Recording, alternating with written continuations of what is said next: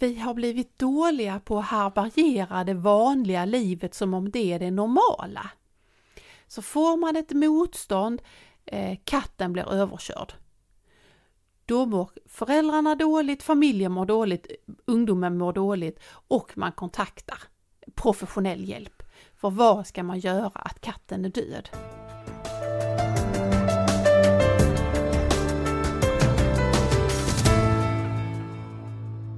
Hej och välkommen till Utmanarpodden. Podden som utmanar dig hela tiden i din vardag. I alla fall när du lyssnar på oss, eller hur Ingmarie? Absolut, det är ju lite därför den heter Utmanarpodden. Vi vill ju dela med oss lite av dels utmanande tankar, utmanande perspektiv, men också lite glädje och lite skratt. Precis. Och i och med det här avsnittet som vi ska då ta idag och prata om en, en, ett ämne som berör väldigt många, så skulle jag vilja fråga hur mår du idag? Ja, det var en snygg övergång. Du, eh, jag mår faktiskt rätt så väl. Jag tycker att jag har haft och har en, en, en månad som är lite i balans och eh, jag tycker att jag kan sortera och må väl i det. Skönt att höra. Hur mår du? Ja, trivs som fisken i vattnet vet du. Det är ja, så Ja, det liksom. men jag har det bra. Idag sitter vi också faktiskt i den här studion mitt ute på landet. Eh, på den skånska landsbygden. Eh, och varför vi gör det är ju för att eh, jag känner en som har den här studion. Och bredvid så bor min bror och hans familj. Och så när jag får vara här, då trivs jag verkligen. Ingmarie, vad är det vi ska prata om idag? Vi ska prata om någonting som började med att du gav mig en tanke som hänger ihop med något väldigt trevligt. Ja. Vad jag har förstått så är du inbjuden till eh, Stjärnorna på slottet. Ja, och då kanske man måste dementera att det inte är tv-programmet. Nej, Tyvärr. du hade velat säga. vara med där. Absolut. Ja, men, och jag som är en otroligt dålig tv-tittare, alltså det är ju nästan min sämsta gren, har ju ändå förstått att det är ett tv-program där en person i taget får vara i fokus och faktiskt göra lite av det som vi vill utmana på den, reflektera, fundera och minnas tillbaka och tänka framåt. Men berätta nu, vad är det för stjärnorna på lägenheten, slottet som du är med i? Vad kallas det? Ja, men vi har sagt Stjärnor på slottet. Det är jag och fyra andra av mina närmsta vänner skulle jag säga. Vi har varsin kväll. Vi äter mat precis som man brukar göra på det, i det riktiga programmet. Och sen så går vi igenom våra liv. Och det är inte så att alla bara pratar i mun på varandra, utan jag har min kväll och så är det liksom bara om mig. Så att vi har varsin kväll var. Vilket är väldigt, ja dels så får man ju prata om sig själv, det är ju väldigt roligt bara det. Eh, och det har ju hänt väldigt mycket på då ungefär kanske någonstans mellan 30-35 år som vi har levt. Eh, och vi har ju känt varandra ungefär en tio års tid, vi som då är i den här konstellationen. Den som är huvudpersonen kan ju liksom bara berätta, men jag jag föddes där och då och sen så i min uppväxt så här, så det här har varit bra, det här har varit dåligt och sen så vi andra, vi frågar frågor på det här. Vi nystar in oss i olika saker, vi är lite som detektiver i det här. Och det har ju var- varit både skratt och gråt under de här kvällarna. Jag har faktiskt inte haft min ännu. Jag har min allra sist. Dels är det ganska, man lär kanske känna sig själv på, på nytt. Man eh, får också prata om saker som man kanske inte brukar göra riktigt. Precis det som vi gör i den här podden. Man får reflektera. Det här skulle jag kunna tipsa alla om att göra. Om man då tar ihop eh, ett gäng. Och det kan ju vara så att man man behöver inte vara bästa vänner och närmsta vänner, utan det kan ju vara lite blandat så att det blir, finns lite nyfikenhet också i det. Ja, jag lät dig prata för jag tyckte det var så jätterolig tanke. Att istället för att sitta och titta på TV när några mer eller mindre kända människor pratar om sitt liv, så faktiskt ägna tid till att fundera över sitt eget liv. Det tyckte jag lät jättespännande. Mm. Blir Men- du sugen själv på att? Absolut, men jag tror också faktiskt att jag har vänner som vi, som vi har väldigt goda samtal i, som är verkligen på det som man skulle kalla handla om existentiella perspektiv av livet och så. När du berättade det för mig innan sändningen gick igång så berättade du också att du hade en reflektion som du både hade fått med dig från dessa kvällar men framförallt i många andra möten med människor. Mm. Och vad var det Magnus?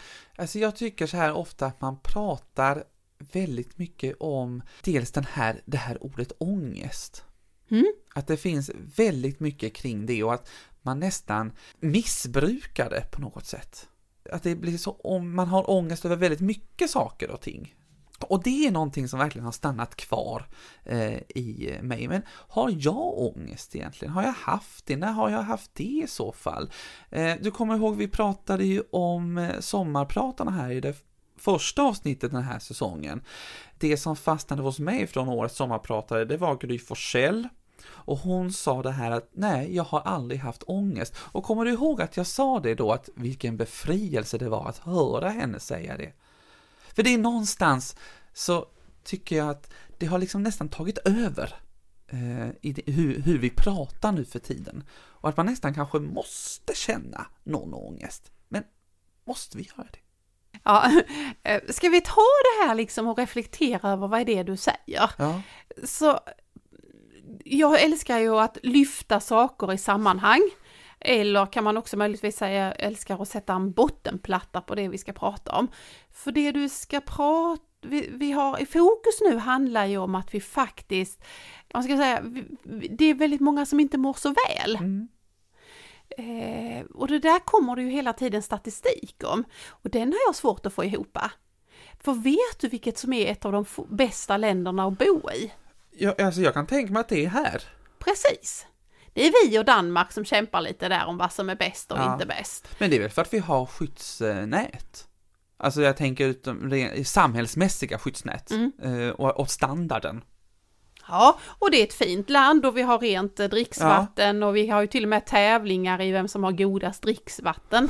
I många länder kan man ju inte ens dricka det vattnet som Nej. finns och så. Så att jag menar visst har vi väldigt många saker som är fantastiska med detta landet.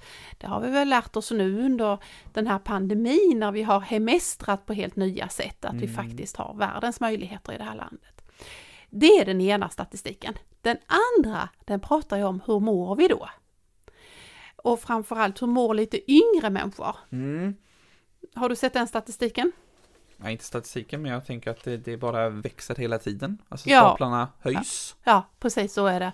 Man pratar till och med om fördubbling på tio år och så här liksom över hur, hur unga människor faktiskt upplever att de mår.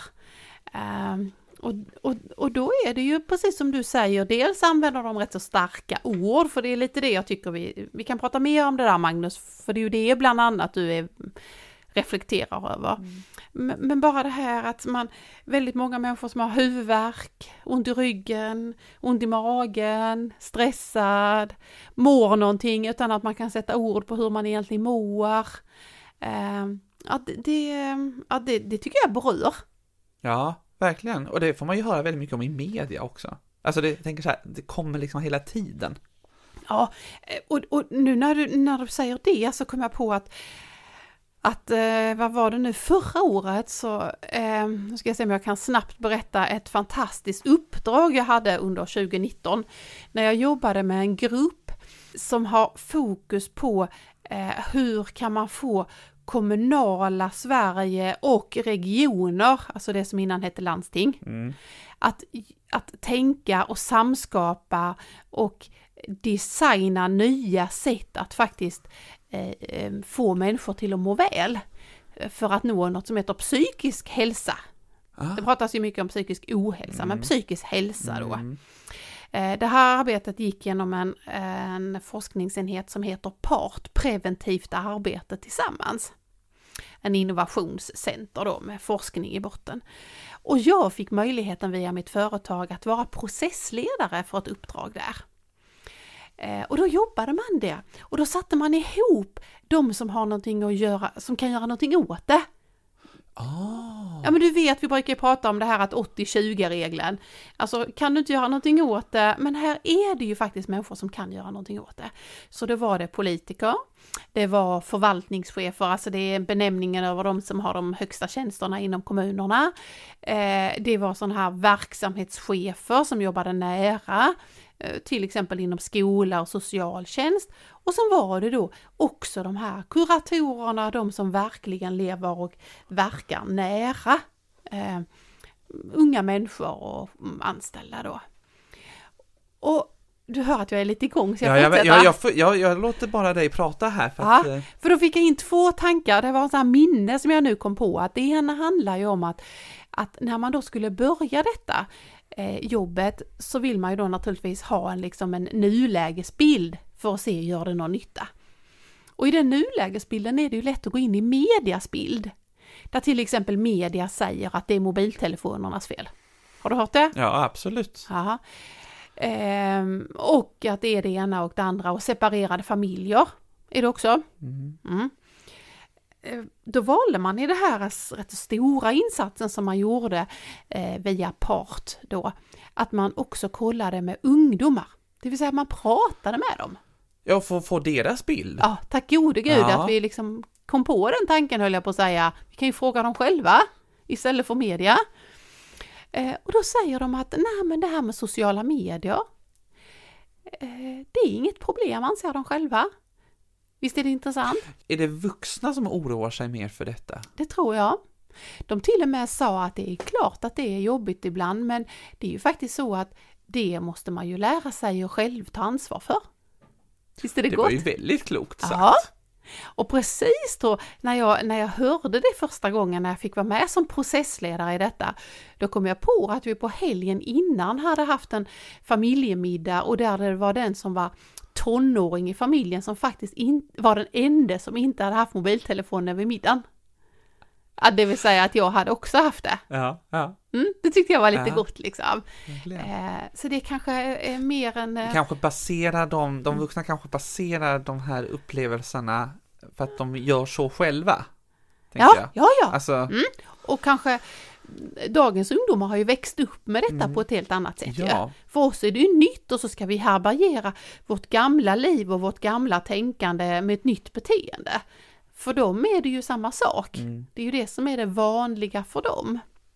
Så det var den ena tanken och den andra tanken när man då pratar om det här med vilka skyddsfaktorer, ibland kallar man det friskfaktorer och skyddsfaktorer, vilka som skyddar för man då för att inte må dåligt eller för att man ändå kan tvärtom säga ja man har rätt så okej liv. Då sa man familjen Jaha, på första platsen. okej. Mm. Eh, det var ju också en sån där oväntad sak, jag ser det på dina ögon här. Ja. Jaha, Ja, men då menar de ju inte mamma, pappa, barn. Nej, de menar, alltså, menar de, för det var faktiskt min första tanke, det var, menar man familjen så som man själv benämner familjen? Alltså en familj kan ju se ut på olika sätt, och vem man tycker är familj. Exakt. Det var precis så de skrev, så när vi skulle skriva en rapport sen så kallar vi det storfamiljen. Eh, för det kan ju vara de biologiska föräldrarna, men det kan ju också vara syskon som man kanske inte ens biologiskt är syskon med. Det kan vara moster, det kan vara mormor, det kan vara en granne, eh, det kan vara en jättenära vän som är som nästan en stora syra eller så va. Ja. Eh, Men den som man definierar, liksom de här finns nära mig, den sortens familj. eh, Det är den viktigaste. Visst var det gott? Ja, vackert sagt måste jag säga. Ja. Och, och det kan jag verkligen känna igen mig i. Eh, jag som har då flyttat eh, 60 mil från min biologiska familj. Det Mm. blir ju, vännerna blir ju de man träffar som blir nära en. Och det är ju de som man känner en trygghet med på ett annat sätt. Exakt. Mm.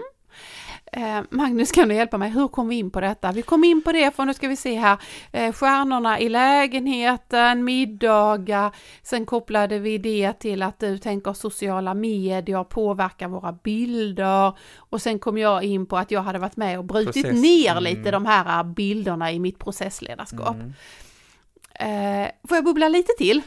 Bubbla på.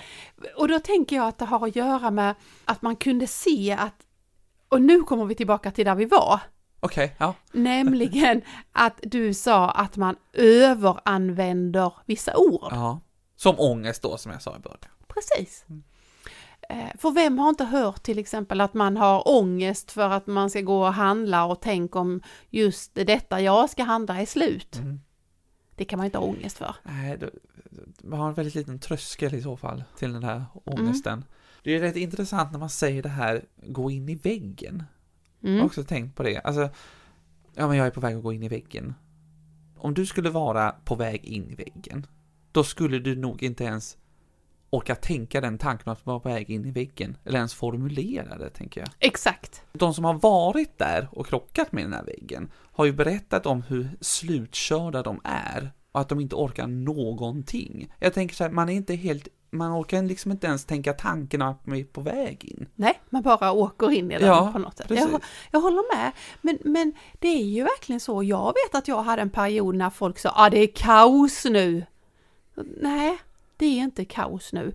Kaos hade varit om vi inte hade haft mat på bordet, om vi inte hade haft någonstans att sova i natt eller så. Det är också sådär man överanvänder ord tycker jag, eller dess betydelse. Ja.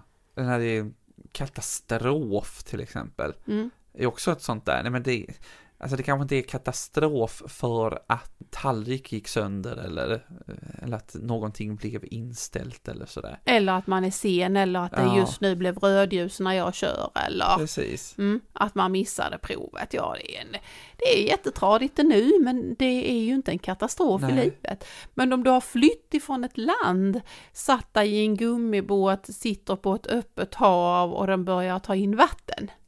Då skulle jag säga att det är katastrof. Ja, då är Det närmare. på vägen mot en Ja, katastrof. riktigt ja. Eh, så. Ja, precis. vi, vi säger lite för mycket och i och med alla de här tankarna tycker jag när vi överanvänder ord och när vi liksom pratar om den här med eh, den här ångesten och allt det här. Jag kan tycka att det blir lite Alltså i och med att vi bor så där bra, så som du berättade om att det är vi och Danmark som Mm. tävlar lite om det här då va? Mm. Så vi har, skit, alltså, vi har jättebra skyddsnät, vi har en bra standard och helt plötsligt tycker jag att det blir lite förmätet om att vi i andra världsdelar så har man inte rent vatten, man letar efter tak över huvudet, det är sjukdomar liksom som verkligen är mer katastrof. Och så har vi liksom mage att säga att vi, vi tänker att vi har ångest över det här och det här. Jag tycker att det blir lite förmätet. Mhm. Där, där, där var du tydlig. Ja, jag, jag, för jag blir lite så irriterad på Ja, det. jag För jag det. tycker att vi inte ser det vi har. Och vi går så himla mycket inåt. Och, och nu utmanar du ju. Ja. Um, Och vi heter ju Utmanarpodden. Ja, det är inte bara du som utmanar här nu. Nej, nej men du utmanar verkligen till att vi liksom, till att säga någonting som kanske inte riktigt är det vi brukar säga. Kan inte jag bara få fortsätta eh, lite till om Är det din här? tanke där? Ja, nej inte min tanke utan min stolthet över att ha fått vara med i ett processledarskap i där man jobbar med preventivt arbete för en psykisk hälsa. Och då jobbar man bland annat med att se vad har ord för betydelse. Och du vet, då måste ju jag gå igång Ja. liksom. Och nu har du ju pratat om eh, överord kan man kalla det. För då kunde man se att att det var ett problem, eftersom det då handlade om barn och unga, så fanns det också representanter med från de som jobbar från barnpsykiatrin, det som vi brukar kalla barnpsyk då va. Mm. Eh, BUP är ju en Mm. annan benämning på det och där, där, som man också vet har superlånga köer, har aldrig haft så långa köer, aldrig mött så många barn och ändå har de jättelånga köer och så är det ett spinn på det. Mm. Då sa de någonting också som handlade om att vi har blivit dåliga på att härbärgera det vanliga livet som om det är det normala. Så får man ett motstånd, eh, katten blir överkörd. Då mår föräldrarna dåligt, familjen mår dåligt, ungdomen mår dåligt och man kontaktar professionell hjälp. För vad ska man göra att katten är död? Då satte det här jobbet igång tankar omkring att vi kanske måste bli bättre på att sätta ord på vad det egentligen är. Det är rätt så normalt att det finns husdjur som dör. De kommer inte leva lika länge som oss människor. Alltså kommer du vara med, har du ett husdjur så kommer du vara med om att det husdjuret kommer att faktiskt sluta sitt liv långt tidigare innan du själv gör det. Mm. Då är det normalt.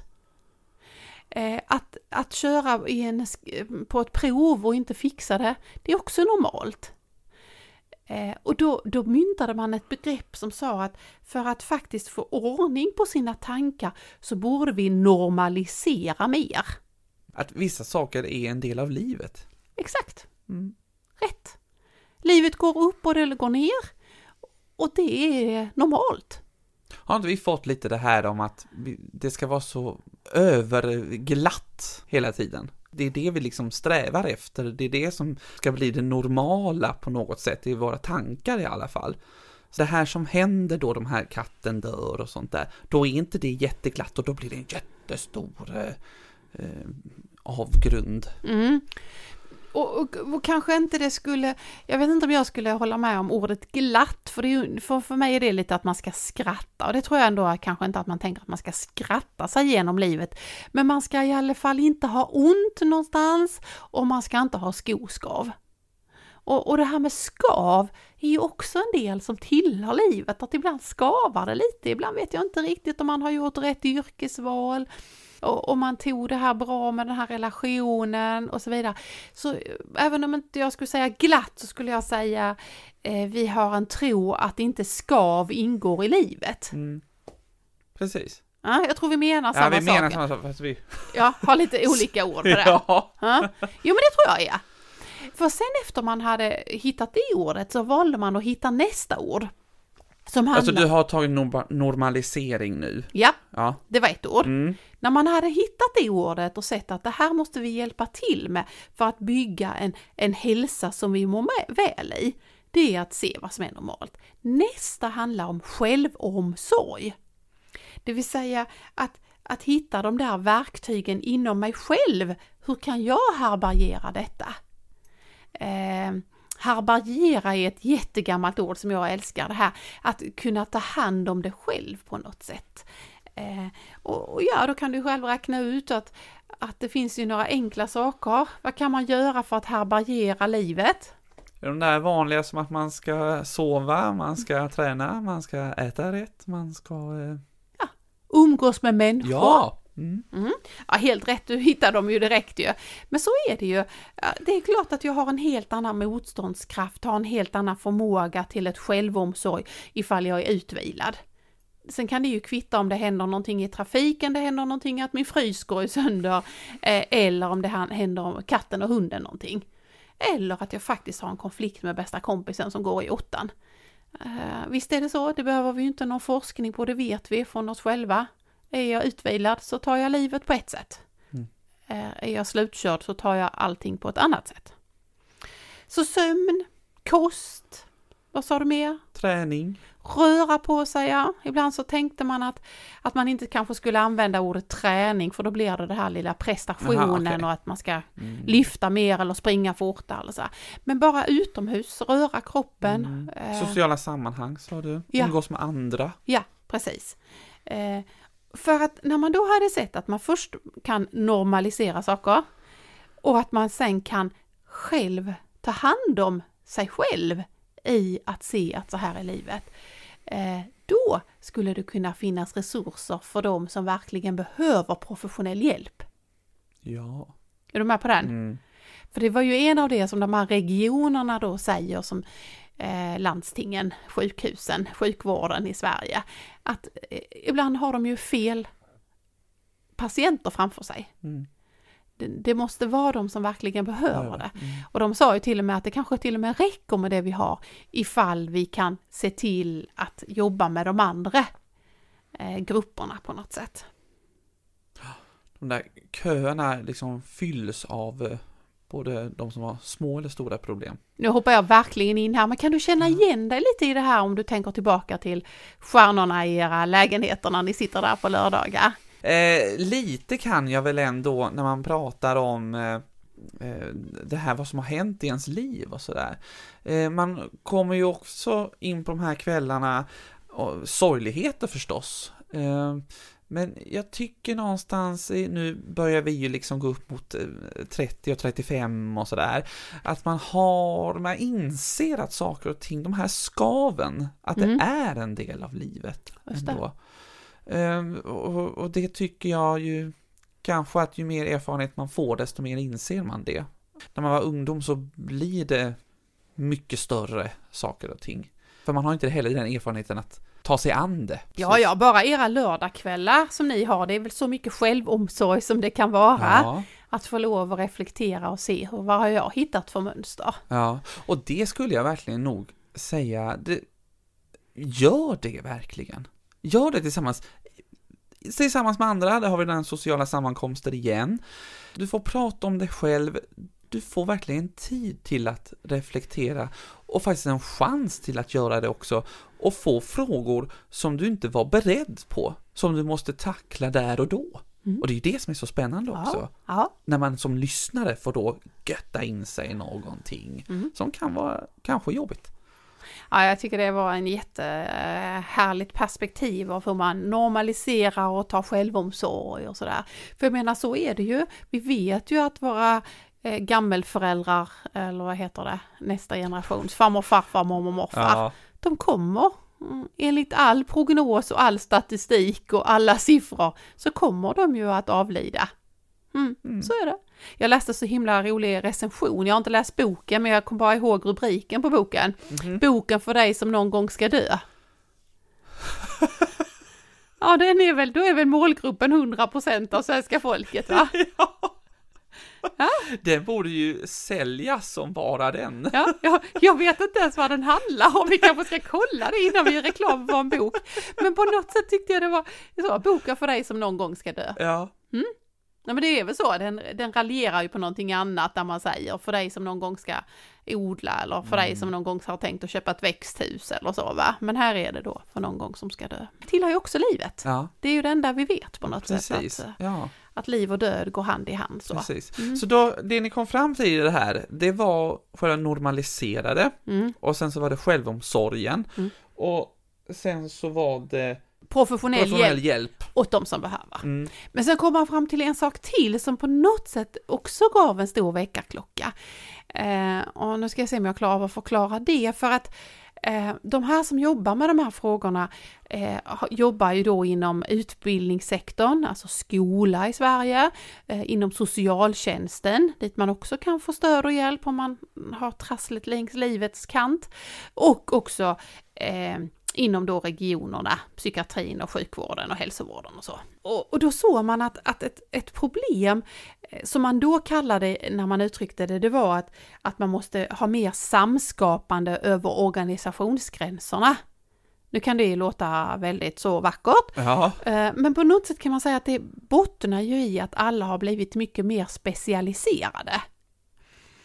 Och, och då alltså att du kan det här och du kan det här och du kan det här. Alltså vi är ju bäst på parenteser i den här eh, podden va, så nu kommer det en parentes här. Är du beredd på någonting? och den parentesen har att göra med följande. Eh, jag var på en arbetsplats, diskmaskinen hade gått i sönder. Du Stort trauma. Det var ju... Det var katastrof. ja, just det. På tal om att använda stora ord. Ja, men det stod rätt mycket disk där och väntade på att diskmaskinen skulle lagas. Eh, då kommer det en och tittar på diskmaskinen. Det var en elektriker. Då konstaterar elektrikern att det inte var något elfel. Nej, så då säger han, vi får ringa hit någon annan. Den elektrikerns tanke var då att det hade att göra med VVS, alltså med vattnet och pumpen in och vad det nu handlade om och så. Så då måste vi ha en rörmokare. Ja, kan Eller det heta så? Ja, vi kallar att det är Mm. något sånt. Ja. Eller, nej, men VVS-montör kanske det är. Det är lite pinsamt att vi inte kan Nej. det här. Nej, nu är vi verkligen ute på dubbelparentes här. Ja, men det var något sånt där säger Ja. Vet ni vad den kom på då? För då var det långt, då var jag, jag råkade vara en hel dag på den här arbetsplatsen. Så då kom VVS-montören på att eh, det var inte vattnet som var problemet. Mhm. Men det var ju något som var problemet med den. Då var det mjukvaran. I själva diskmaskinen Japp. alltså. Så då måste det vara en programmerare istället. Då åkte jag hem. Jag diskade min mugg för hand och sen åkte jag. Så jag vet inte slutet på denna diskmaskinshistoria. Jag kan bara säga att för mig var det en eh, mm, väckarklocka och lite skrattretande hur, hur, hur specialiserat vårt samhälle har blivit. Och, och nu lämnar vi parentesen. Mm.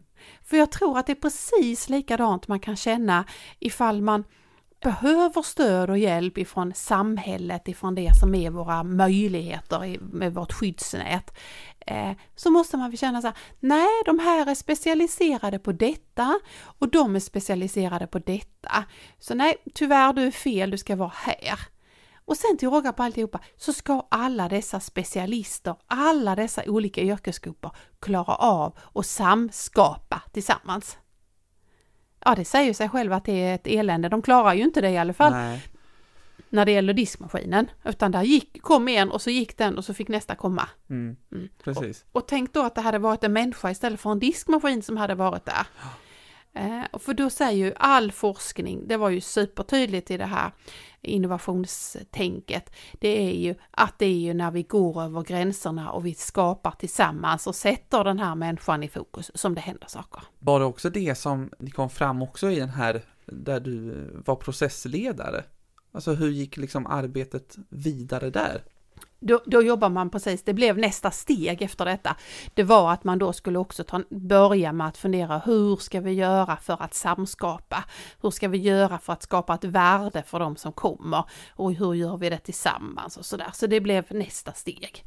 Eh, Så det första steget, vilket för övrigt också blev en artikel, skriven som en artikel av alla de som var berörda, som gick i tryck och så. Så vill man ha en sån så kan man höra av sig över hur vi faktiskt skapar tillsammans. Mm. Eh, och, eh, och bara för att visa då på vad den egentligen hade för fokus, och håll i dig nu då, så heter den så här, för ett salutogent och samskapande förhållningssätt för att främja ungdomars psykiska hälsa. Yes, Ja. där har vi den. Där har vi den! Så att skriv gärna hela den eh, artikelrubriken när ni frågar efter eh, dessa till eh, Ingmarie Rundvall skulle jag säga. När vi pratar eh, de här existentiella frågorna, för det gör man ju ibland. Alltså man tänker ju existentiellt så här, vad, vad ska jag göra med mitt liv och vad ska eh, jag, eh, har jag valt rätt i min yrkeskarriär och så vidare. Ehm, är det liksom någonting som eh, också togs upp i den här eh, artikeln då, eller blir Mm. det en rapport till slut eller vad Mm, blir det mm. en artikel? Ja, ska jag vara riktigt ärlig så var det kanske jag som förde in det här med en andra tankar, andra perspektiv. Jag gjorde det av många skäl. Ett skäl var att jag tror att vi tappar lite bort oss ibland att inte ha med de här existentiella frågorna. För de är ju ändå liksom med oss hela tiden. Även om vi inte tänker på dem så är de ju med oss. Eh, och det andra handlar om att, att innan så sa man att man skulle ha fysisk hälsa. Det vill säga inte ont i hjärtat och inte ont i lilltån och sådär. Liksom. Mm. Man kan få bort sin öroninflammation med antibiotika och sådär. Men, och sen börjar vi prata om psykisk hälsa. Men vi har ju nästan tappat bort oss att det finns någonting som heter psykisk hälsa. För det var ju nästan det du frågade mig när du sa så här, hej Ingmarie, välkommen idag, hur mår du idag? Ja, det är ju lite stämpel på min fysiska hälsa och min psykiska hälsa.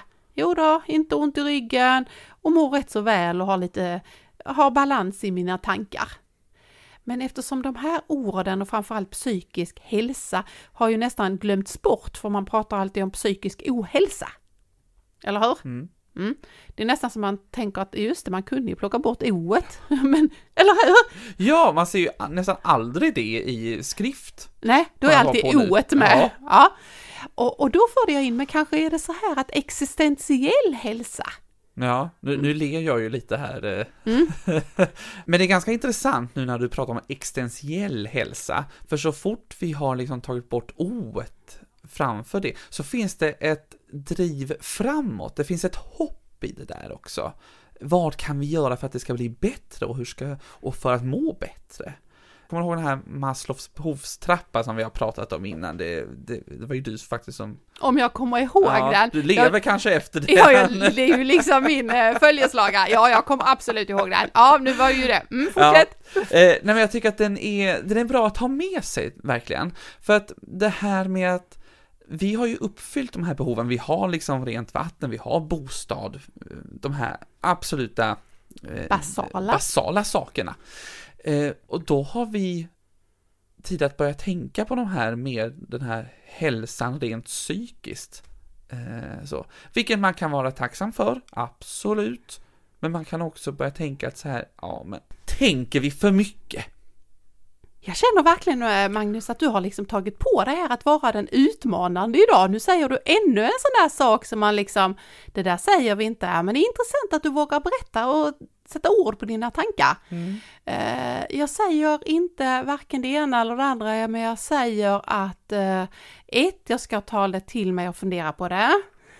Två, Eh, när jag hör dig prata om existentiell hälsa så blir jag ännu mer övertygad om att det är det ordet vi ska använda istället. Och den sista tiden har det också kommit en hel del artiklar som har sagt att vi har kört vilse i det här med psykisk ohälsa.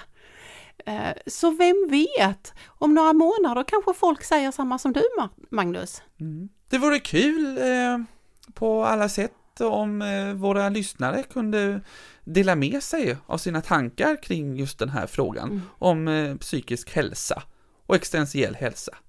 De är så välkomna att kontakta oss tycker jag. Ja. Som vanligt, och nu har vi också ju, för de som eventuellt inte har sett det så finns vi också på LinkedIn och heter då Utmanarpodden.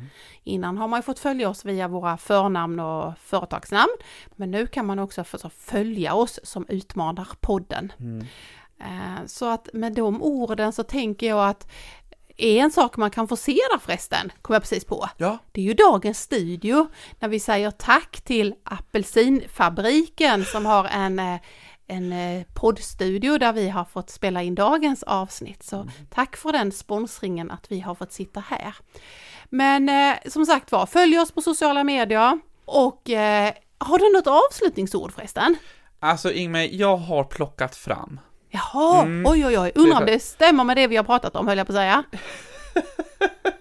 Jo men det handlar lite om, det är faktiskt lite sådär, eh, tänker vi för mycket? Ja, ja, ja. Det är lite så, det är lite den, den tanke, det är bra att ha med sig det. Mm. Tänker jag, faktiskt. Och då är det en som heter Dale eh, Carnegie Mm. som har sagt det här. Kom ihåg att lycka inte beror på vem du är eller vad du har. Det beror helt och hållet på vad du tänker.